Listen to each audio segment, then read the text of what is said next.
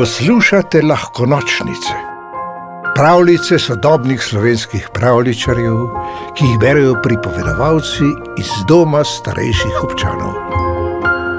Duh Babojan se predstavi. Moje ime je Babojan.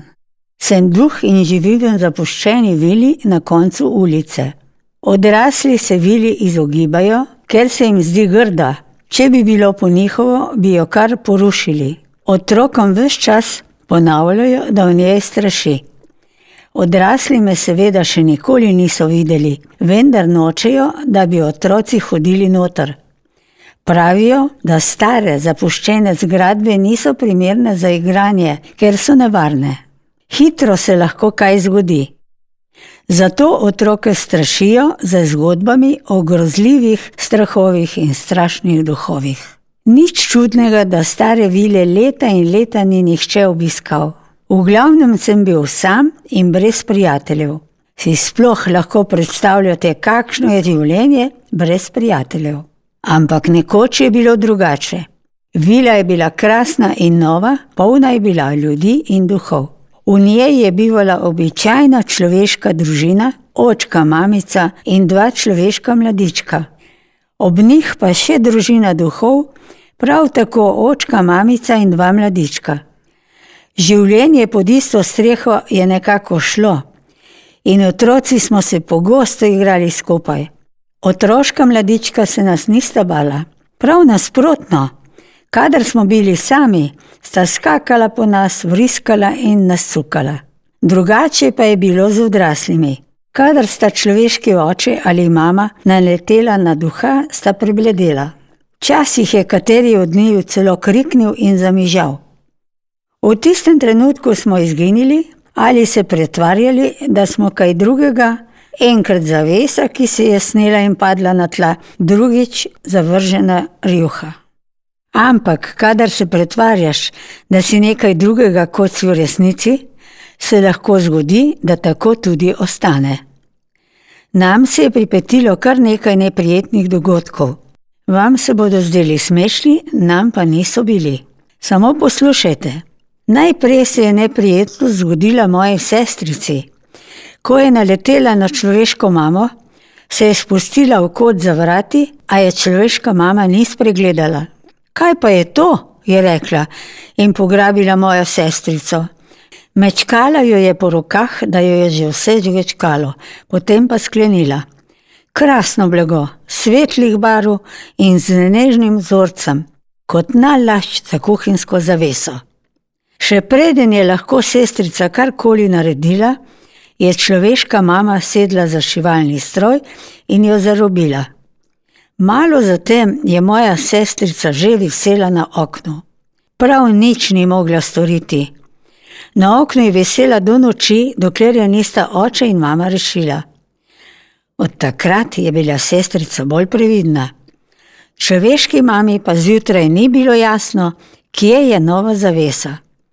Saj nisem sanjala, se je jezila. Naslednja je na vrsto prišla mama. Bil je zaspan, ževen dan. Ker sta človeška mama in oče zgodaj vstala, je moja mama izkoristila priložnost in smuknila v njuno posteljo. Ne bi bilo hudega, a se je človeška mama nepričakovano vrnila. Ob pogledu na mojo mamo se ji je obraz razlezel v nasmeh. Kako mehko blago je dahnila, ko jo je imela v rokah, kot nalašč za robce. Nikoli jih ni dovolj. In že je bila z mojo mamo v rokah za mizo. Vzela je velike škarje in hrsk, hrsk razrezala blago. O, nikar se ne bojte, škarje in šivanke duhov ne morejo poškodovati. Ne boli nas, če gre duh na dva dela, pa tudi ni nobene težave. Hitro se lahko sestavi, in če gre na štiri, prav tako. Ampak človeška mama je mojo mamo razrezala na šestnajst kosov. Ta je pa huda. Si sploh lahko mislite, koliko časa je od takrat naprej moja mama preživela pred ogledalom?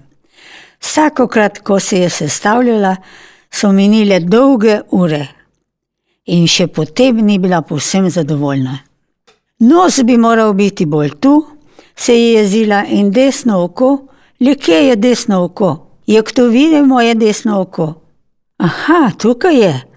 No, samo malo, samo še malo pa bo. Oče je zaradi tega godrnjav, kamorkoli sta šla, vedno sta zamujala. Ampak s tem smo nekako živeli. Dokler se ni neprijetno zgodila mojemu očetu, ki je že tako bolj godrnjave sorte. Samo poslušajte, neko popovdne je dremal pod mizo.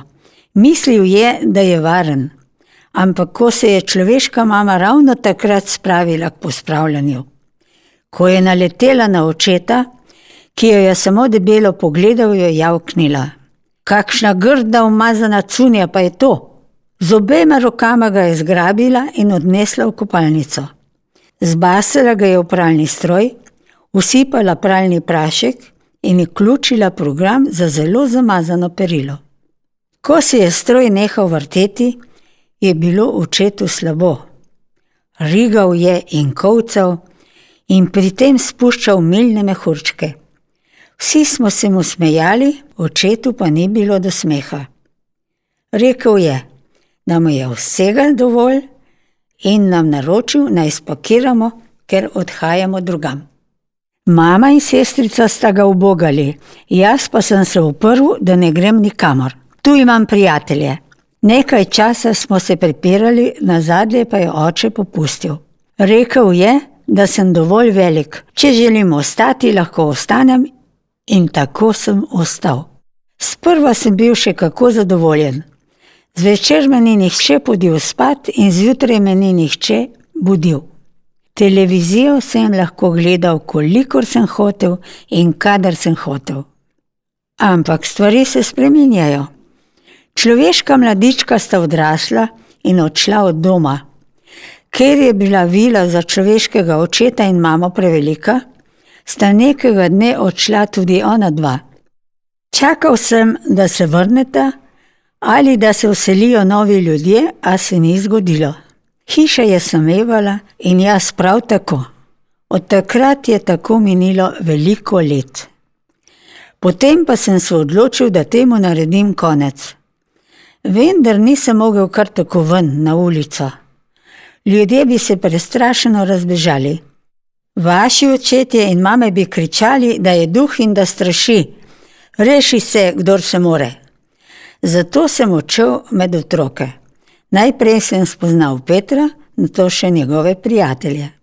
Zdaj je vila o popovdnevih spet polna otrok in nikomor ni več dolg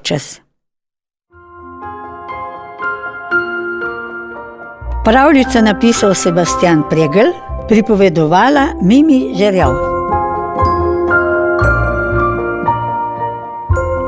V deželo princesk, zmajev, gozdnih vil in ostalih čarobnih biti ste vabljeni na lahko nočnice, pika si, pa lahko noč.